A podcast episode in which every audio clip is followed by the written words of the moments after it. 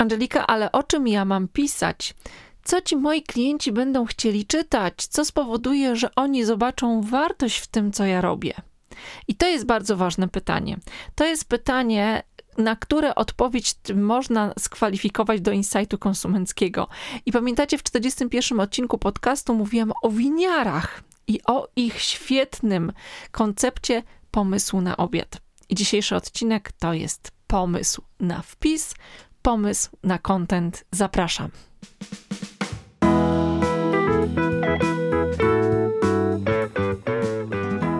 Dzisiejszy odcinek jest wyjątkowy pod wieloma względami. Po pierwsze, dlatego, że mamy w nim gościa, który odpowiada na ważne pytania. Pytania, w których ja nie czuję się na tyle ekspertem, żeby w nich się wypowiadać, dlatego odsyłam Was, a raczej przyprowadzam do Was, przyprowadzam do Ciebie kogoś, kto na tym się lepiej zna.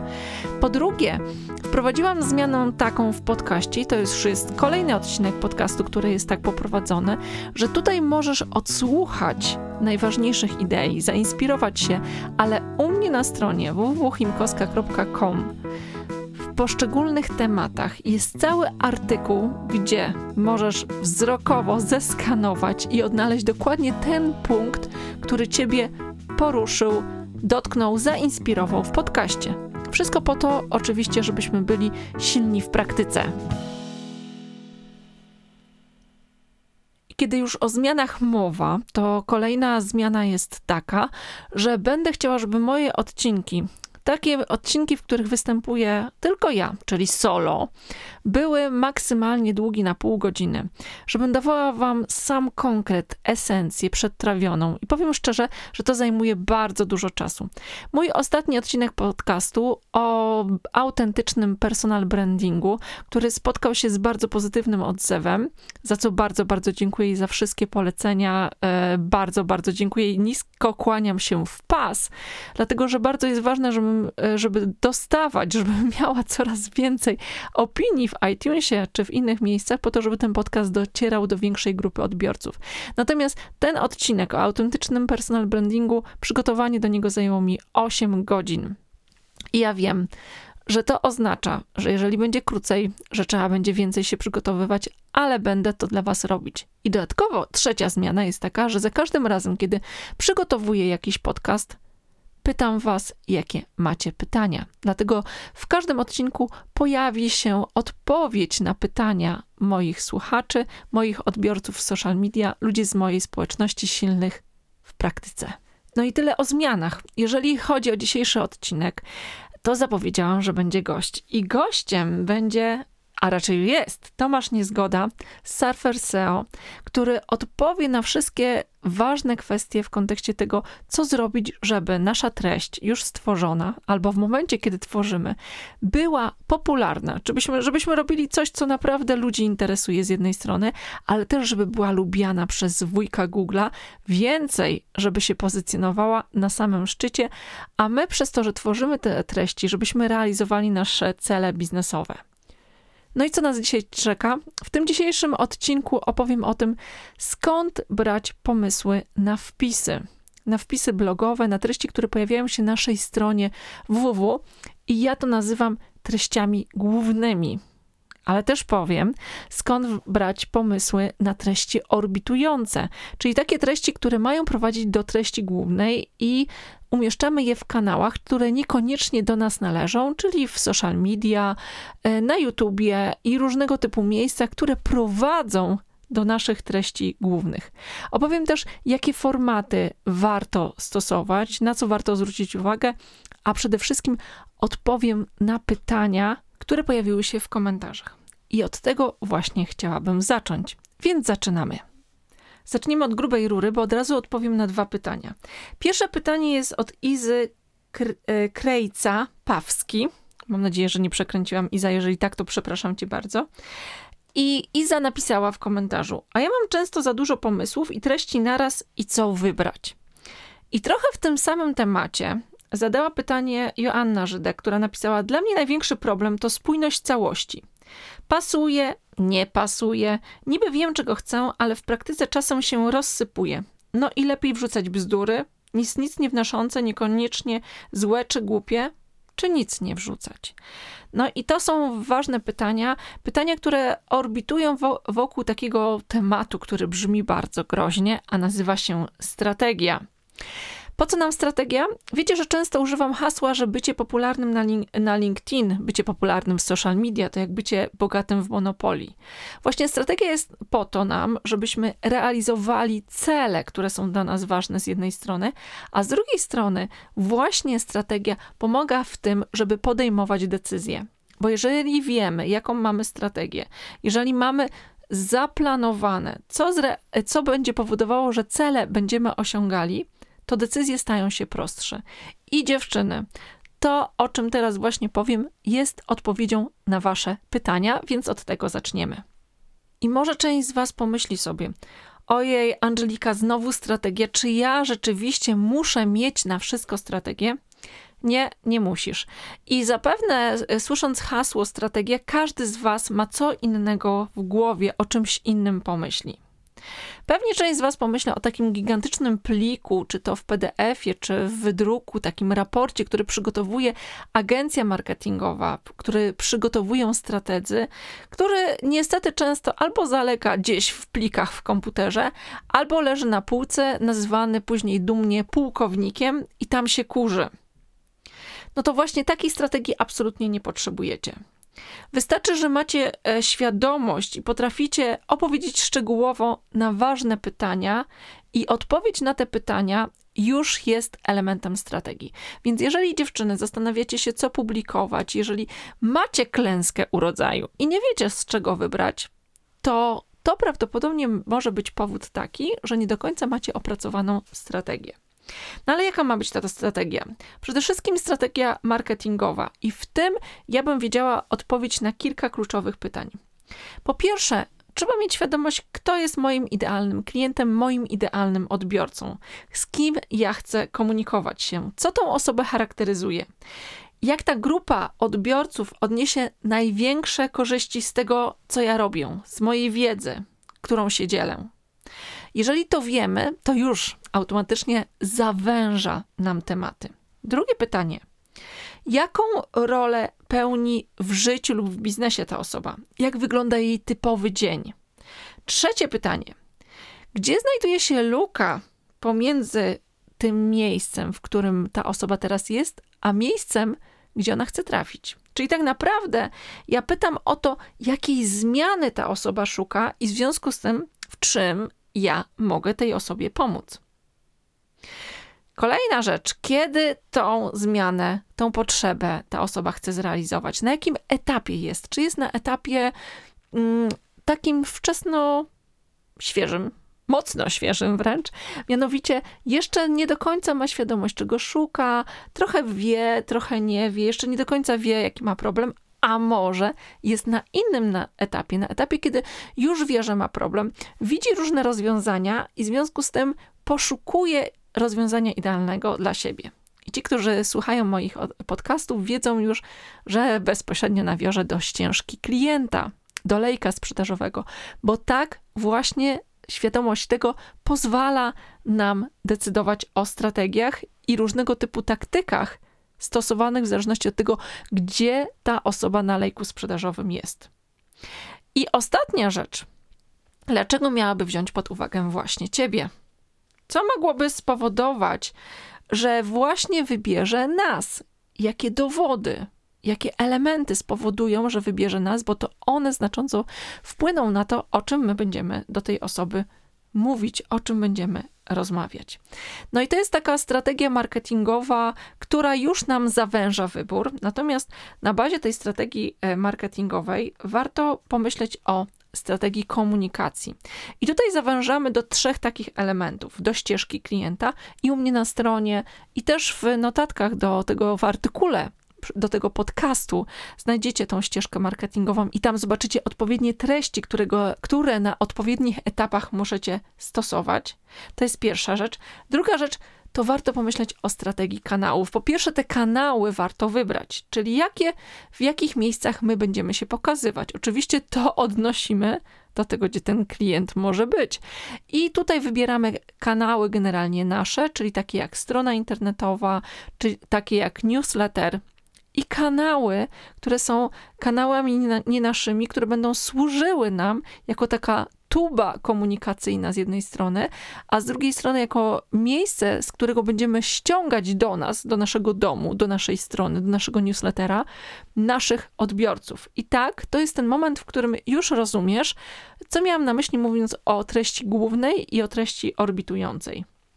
No i trzeci element strategii komunikacji to jest harmonogram treści. Kiedy już wiemy, kiedy mamy świadomość, gdzie ten klient na tej ścieżce naszej się porusza, kiedy mamy świadomość, jakich kanałów użyjemy, a wybieramy je na podstawie tego, co jest, co jest rokujące z jednej strony, ale też tego, co y, możemy zrobić już teraz, do czego mamy dostęp, to wtedy tworzymy harmonogram treści. I w zależności od tego, jak decydujemy się komunikować, ile razy w tygodniu, to jeżeli ja sobie myślę, dobra, to w social media będę komunikowała trzy razy w tygodniu, to ja wiem, że ten e, mój harmonogram treści to będzie 12 postów, które opublikuję e, w danym miesiącu. To będą treści orbitujące i zastanawiam się, do jakich treści ja chcę kierować, a może ja chcę nie chcę kierować do żadnych treści. Ja chcę tylko komunikować w social media, co też jest strategią, jak dla mnie krótkoterminową, ale na pewno strategią. No to teraz już mamy konkrety e, i chciałabym, żebyśmy zaczęli mówić o tych treściach głównych i o tych treściach orbitujących. I rada dla różnego typu osób w związku z tym. Jeżeli jesteś właścicielem biznesu, jeżeli słuchasz mojego podcastu, bo prowadzisz biznes, to zachęcam cię do tego, żeby swój blog potraktować jako to miejsce, gdzie się co jakiś czas pojawia treść główna, a w mediach społecznościowych tworzysz treści orbitujące, które prowadzą do treści głównej. Nie zaniedbuj tego miejsca, dlatego że to jest e, Twój dom, Twoja ziemia i tam możesz mocno inwestować. Jeżeli jesteś osobą, która zarządza działem marketingu, która ma swoją firmę e, i ma już duży zespół, to też bardzo podobna sytuacja. Tyle, że różniąca się tym, że masz już zasób w postaci ludzi. Ludzi, którzy mogą kierować innych do waszego domu. Czyli wtedy pracownicy, wtedy ci wszyscy, którzy są zaangażowani, wykorzystują media społecznościowe i miejsca, w których są zupełnie naturalnie do tego, żeby kierować do treści głównej. I tak w marketingu nazywa się to employer advocacy. No i paliki tego tematu zostały jasno postawione. Potrzebna ci jest strategia, a jeżeli nie jakaś wielka, skomplikowana i zaawansowana analiza, to umiejętność odpowiedzenia na ważne pytania. Potrzebna ci jest strategia komunikacji po to, żeby dobrze dokonywać wyborów i po to, żeby coraz lepiej rozumieć swoich odbiorców i dostarczać im coraz lepszą, coraz bardziej jakościową treść. Potrzebujesz miejsca głównego, do którego będziesz ściągał swoich odbiorców, ale potrzebujesz też miejsc, z których będziesz ściągał swoich odbiorców. I teraz, kiedy to wszystko mamy, przejdźmy do tematu, skąd wziąć pomysł na bloga, na naszą stronę firmową, na artykuły, które będziemy poruszać, po to, żeby zaspokoić ciekawość i potrzeby naszych odbiorców. I tutaj obiecałam Wam gościa. E, tak, Tomasz Niezgoda zaraz odpowie na moje pytanie. Na pytanie właściwie moje też, często sobie zadaję to pytanie, e, ale pytanie, które bardzo często pada u mnie w różnego typu procesach rozwojowych i szkoleniach. I to pytanie e, brzmi często tak, że wielu ekspertów dotyczy tak zwana klęska wiedzy eksperta. I w procesie tworzenia treści paraliżuje ich perspektywa, że to jest oczywista oczywistość. I szkoda w ogóle o czymś pisać, ponieważ wszyscy to wiedzą. No i jak sprawdzić, co interesuje moich odbiorców w temacie, w którym się zajmuję? Jak sprawdzić, czy ktoś to w ogóle będzie chciał czytać? Czy to będzie tak, że stworzymy treść, którą przeczytają dwie osoby, a my spędzimy nad tym tydzień? No i teraz wchodzi Tomek. Tomek, który odpowie na nasze pytanie. Dzień dobry, Tomku. Cześć Angeliko, bardzo dziękuję za zaproszenie do Twojego podcastu. Pozwól, że połączę oba pytania w jedno, a mianowicie w jaki sposób odnaleźć tematy, o których chcieliby czytać ludzie w mojej niszy. Zacznijmy więc od niej. Na potrzeby przykładu, niech to będzie szeroko rozumiany marketing internetowy. Wyobraźmy sobie, że jesteśmy specjalistą, który chce zbudować lub poprawić widoczność swojego bloga we wcześniej wspomnianej tematyce. Pierwszym krokiem, który możemy wykonać, aby przygotować tzw. Tak content plan, będzie sprawdzenie wyników, jakie Google lub inna wyszukiwarka zwraca na ogólne hasła, takie jak blog o marketingu internetowym, albo marketing internetowy jak zacząć, lub po prostu marketing internetowy.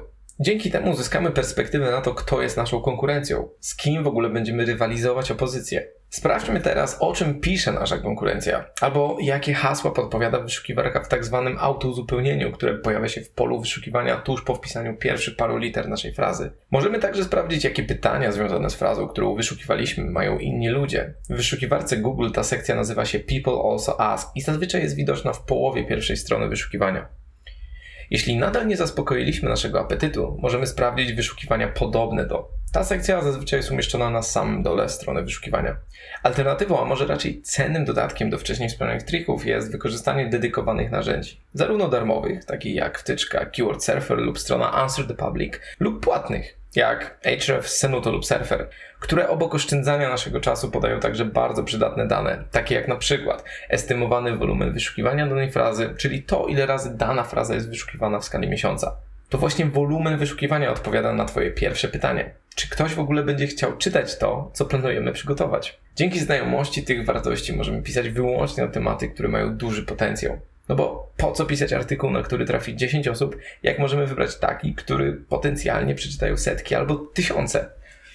Dodając do tego, co powiedział Tomasz, ja e, sobie myślę, że jako ludzie, którzy pracują w marketingu, którzy zajmują się marketingiem, niezależnie czy jesteś do tego zmuszony, bo jesteś właścicielem firmy i prowadzisz mniejszą firmę, albo jesteś po prostu człowiekiem marketingu i to jest twoja praca i lubisz ją, no to to jest taka baza, w której my musimy mieć świadomość, jakie są nasze słowa kluczowe, na jakie słowa kluczowe się pozycjonujemy, jakie słowa kluczowe wpisuje nasz odbiorca w wyszukiwarkę. I tutaj pojawia się e, takie dla mnie od jakiegoś czasu nowe hasło, e, zwane klastrami treści.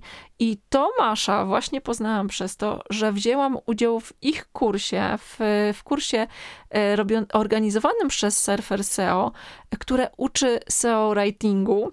I naprawdę jestem zachwycona tym, czego tam się nauczyłam, czego tam się dowiedziałam. E, rewelacyjne i pomyślałam sobie, że nie może Tomasza zabraknąć e, w podcaście po to, żeby trochę podzielił się swoją wiedzą i teraz już wiecie, jaka jest tego historia.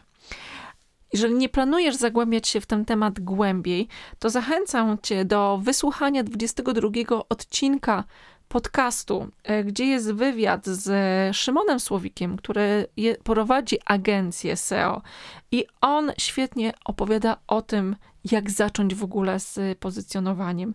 Co zrobić, żeby Google nas pokochał, żeby wysoko nas pozycjonował. Więc jeżeli ten temat jest dla ciebie świeży i nowy i chcesz się uczyć, to zachęcam, zacznij właśnie od 22 odcinka mojego podcastu. To temat słów kluczowych. Temat tego, jak poszukać, jak sprawdzić, jak znaleźć, mamy już załatwiony.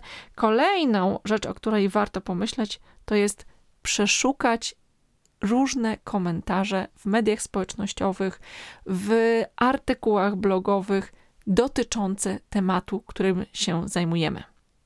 No i dalej coś, co wydaje się oczywiste i powinno być chyba na szczycie w ogóle tej listy. Mianowicie powinniśmy pobiec do naszego działu sprzedaży i zapytać ich: słuchajcie, Słuchajcie, o co najczęściej pytają klienci? Jakie mają wyzwania, jakie mają problemy, w czym się zastanawiają, kiedy dokonują wyboru pomiędzy naszymi usługami, usługami konkurencji, jakie mają wyzwania w stosowaniu naszych produktów. To jest taka podstawowa lista, która powinna być w każdej organizacji. To jest taka podstawowa lista, którą powinien gromadzić sobie e, przedsiębiorca, który nawet jeżeli jest freelancerem, jeżeli prowadzi jednoosobową działalność gospodarczą, to powinien sobie zapisywać te kwestie. W ogóle, tak poza tematem, to warto mieć e, w notatniku, w kalendarzu, ja mam dwa miejsca, w których to trzymam. Mam w Evernote taką y, po prostu notatkę, w która jest nazwana pomysły. I tam pojawiają się pomysły na treści, tam pojawiają się pytania, które zapisuję I drugą taką samą zakładkę mam w takim kalendarzu, którego właściwie w, e, w, notatniku, którego używam na co dzień, ponieważ sama bardzo lubię pisać, używam pióra.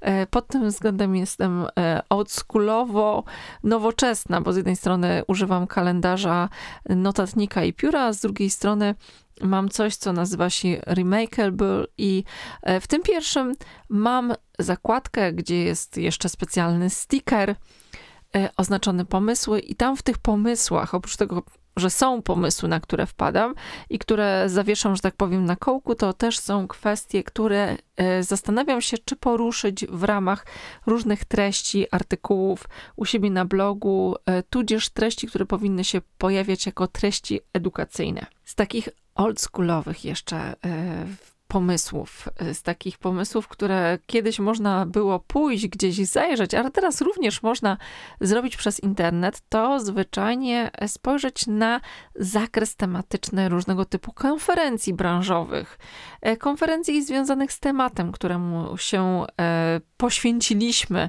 zagadnieniom, które są ważne dla naszych odbiorców. Wchodzimy na różnego typu konferencje i sprawdzamy, co jest teraz gorącym tematem. Jakie tematy tematy są tymi tematami, które są omawiane na konferencjach, bo prawdopodobnie to są ważne dla naszych odbiorców tematy. Kolejna rzecz, którą można zrobić e, też przez internet, to grupy tematyczne na Facebooku, pojawienie się w grupie, grupach tematycznych i sprawdzenie, jakie pytania ludzie zadają. E, co jest dla nich wyzwaniem? Gdzie widzą problem?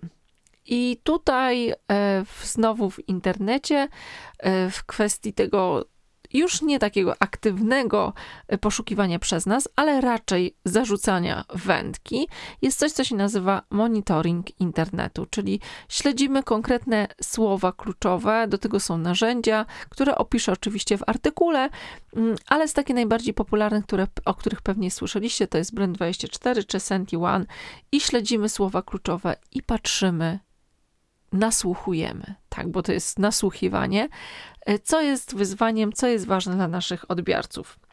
E, kolejna rzecz, i właściwie to moja ulubiona, ci, którzy mnie znają, którzy słuchają moich podcastów, na pewno z tym się już wcześniej zetknęli. Mianowicie, ja mam taki sposób e, na Amazona, na lubimy czytać. Mianowicie wchodzę w książki, które są związane konkretnie z tematem, którym się zajmuję i patrzę, patrzę na to, co piszą ludzie w komentarzach. Co będzie takim punktem, który pokaże Wam, że trafiliście na coś ważnego? Mianowicie e, to, że ktoś opisze sytuację, w której miałem wyzwanie w tym, a ta książka pomogła mi właśnie dokładnie w tym. I jeżeli takie wątki się powtarzają, to to jest takie miejsce, na które warto zwrócić uwagę, bo to jest miejsce ważne dla waszego odbiorcy. No i kolejny e, temat z takich łatwych, przyjemnych i cyklicznych e, to jest temat dość prosty i sposób dość prosty i powszechnie stosowany przez to, więc może już trochę nie widzimy go i nie zwróciliśmy na to uwagi, ale kiedy brakuje pomysłu na treść, to to, co robi przeciętny e, marketer, to jest to, że zagląda do kalendarza i patrzy, patrzy, patrzy jaka będzie najbliższa data, jakie będzie najbliższe święto, czy to będzie święto, które będzie dla nas ważne, czy to jest święto ważne dla naszego odbiorcy. Bo jeżeli naszym odbiorcą są kobiety, to święto kobiet to jest takie must have. Zaletą takiego zaglądania do kalendarza, zaletą tego, że korzystamy z cyklicznych świąt jest to, że możemy tworzyć z roku na rok kolejny content, więc go rozciągać, latami, dodając, a z drugiej strony później może porównując, wspominając, dopytując.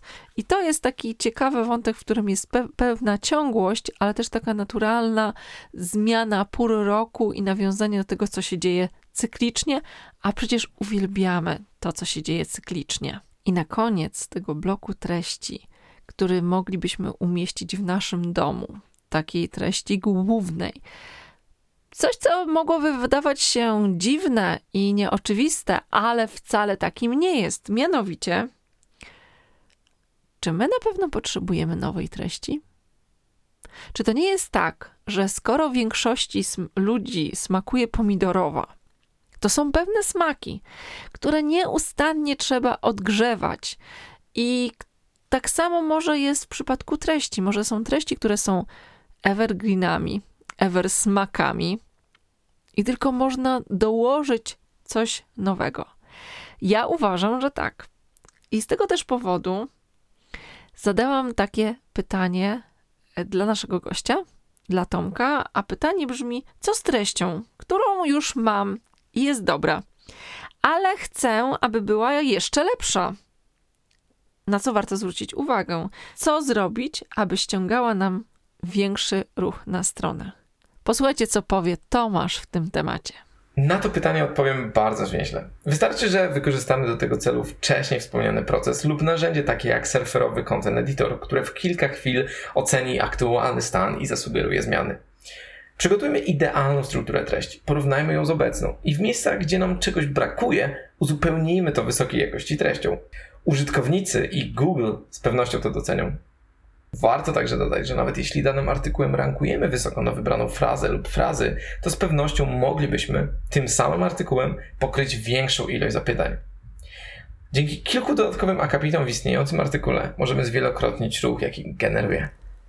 No dobrze, to tyle pomysłów, to całe mnóstwo pomysłów na content na stronie, a teraz e, pomysły, które mam na content w mediach społecznościowych. W mediach społecznościowych to, co wydaje mi się charakterystyczne i takie istotne, to jest to, żeby to była mniejsza treść, żeby ona była łatwiejsza do konsumpcji i jednocześnie gwarantowała szybszy efekt. Bo jeżeli e, porównać te dwa kanały komunikacji, to na stronie www ja jestem skłonna i mam nastawienie na to, żeby poświęcić więcej czasu na stronie www ja zasiadam do jakiegoś artykułu, jeżeli jest mięsisty, jeżeli jest soczysty, dzielę go sobie, zapisuję go sobie, żeby poczytać później. To samo oczywiście możemy robić w mediach społecznościowych, ale jednak w mediach społecznościowych jest ta dopamina, która daje nam kopa, która powoduje, że chcemy szybko się zmotywować, zainspirować. I stąd to musi być krótkie. Gdzie ja bym szukała inspiracji?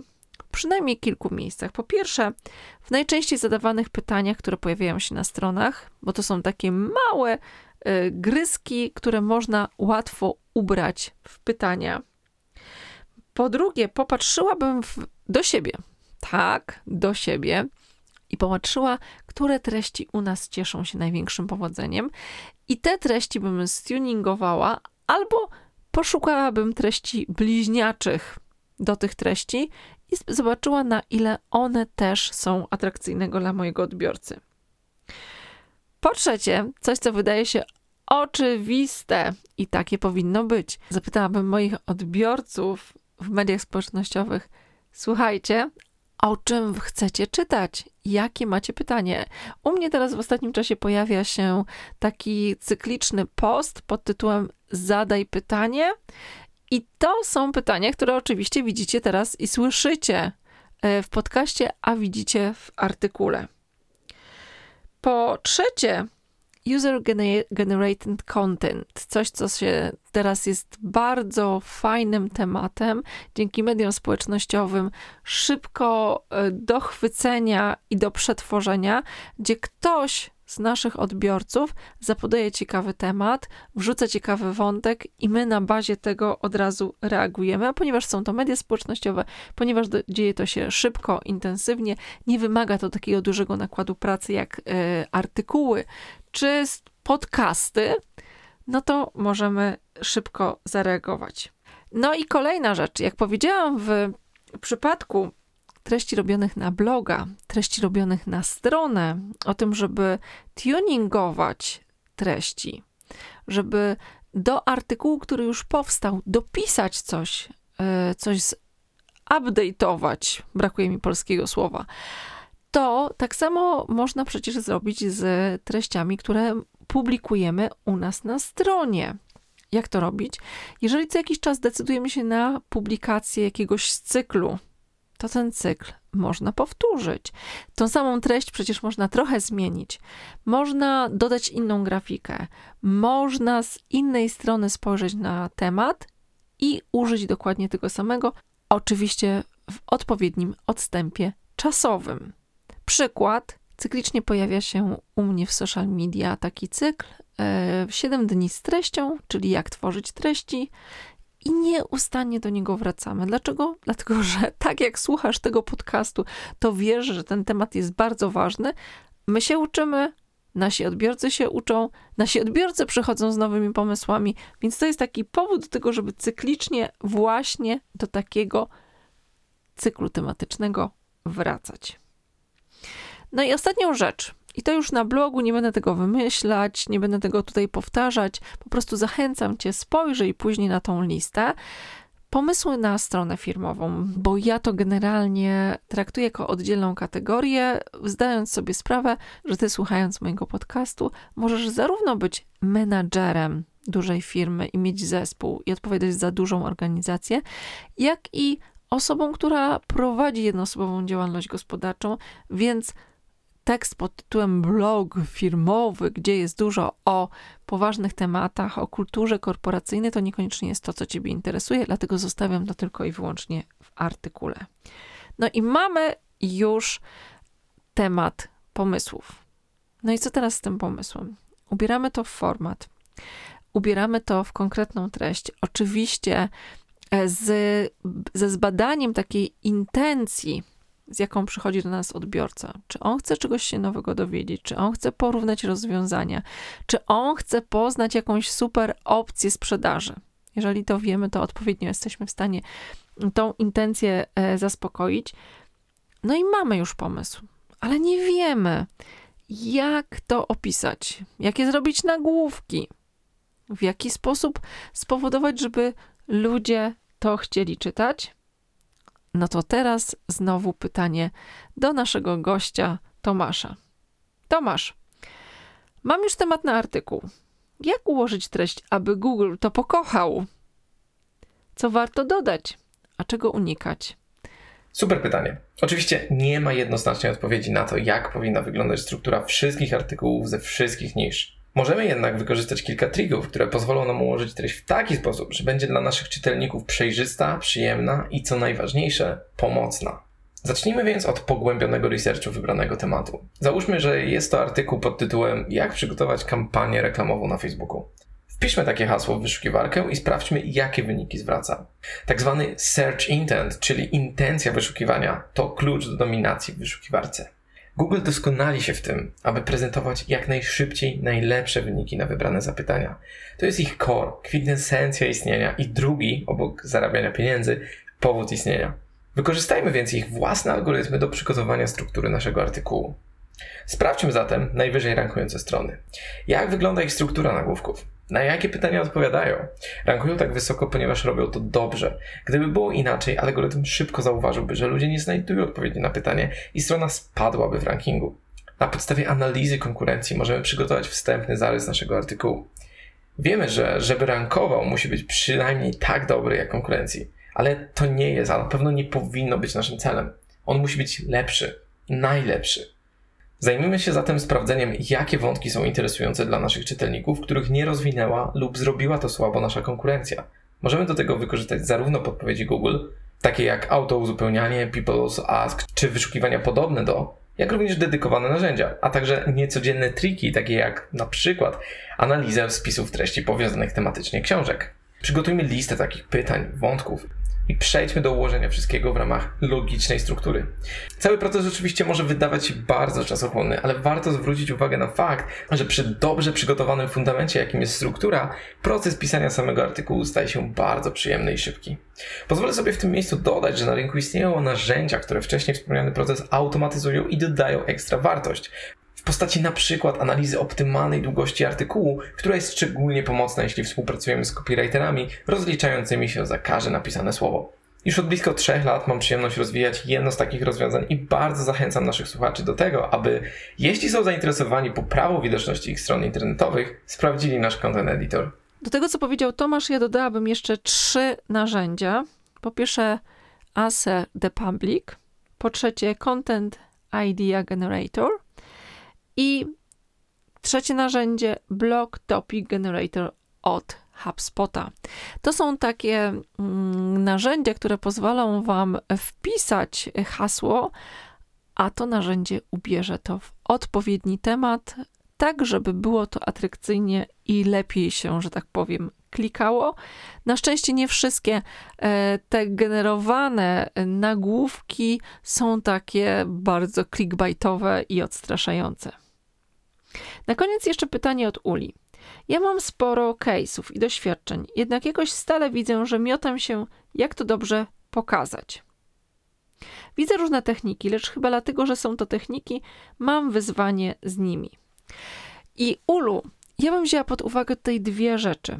Po pierwsze, może się miotasz, dlatego że nie do końca wiesz, w którym miejscu lejka sprzedażowego tą treść chciałaś, chciałabyś umieścić.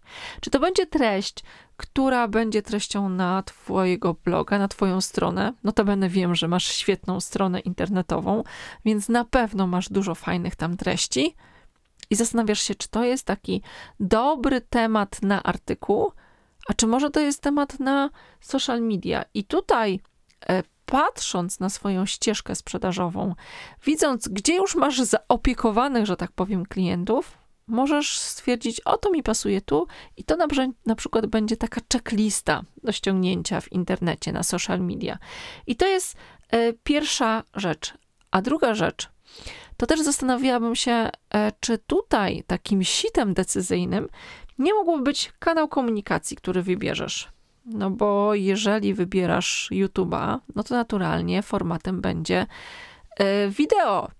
Jeżeli wybierasz e, Instagrama, to fajnym formatem może być stories. I oczywiście stories jest na pewien etap laycut. Stories jest, stories jest do budowania i, że tak powiem, wspierania relacji, która już istnieje z odbiorcą, więc to samo, co w kontekście lejka sprzedażowego, to samo co, w, co do etapu, na którym jest klient, to sam kanał też spowoduje, że przestaniesz się miotać w formatach, że będziesz wiedziała, której taktyki użyć.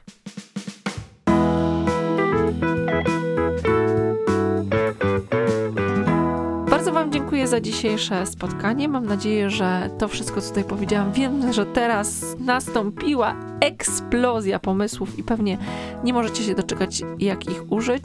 Zachęcam jeszcze raz, zajrzyjcie do artykułu, tam wszystko jest wypunktowane. Niech to będą dla Was użyteczne notatki.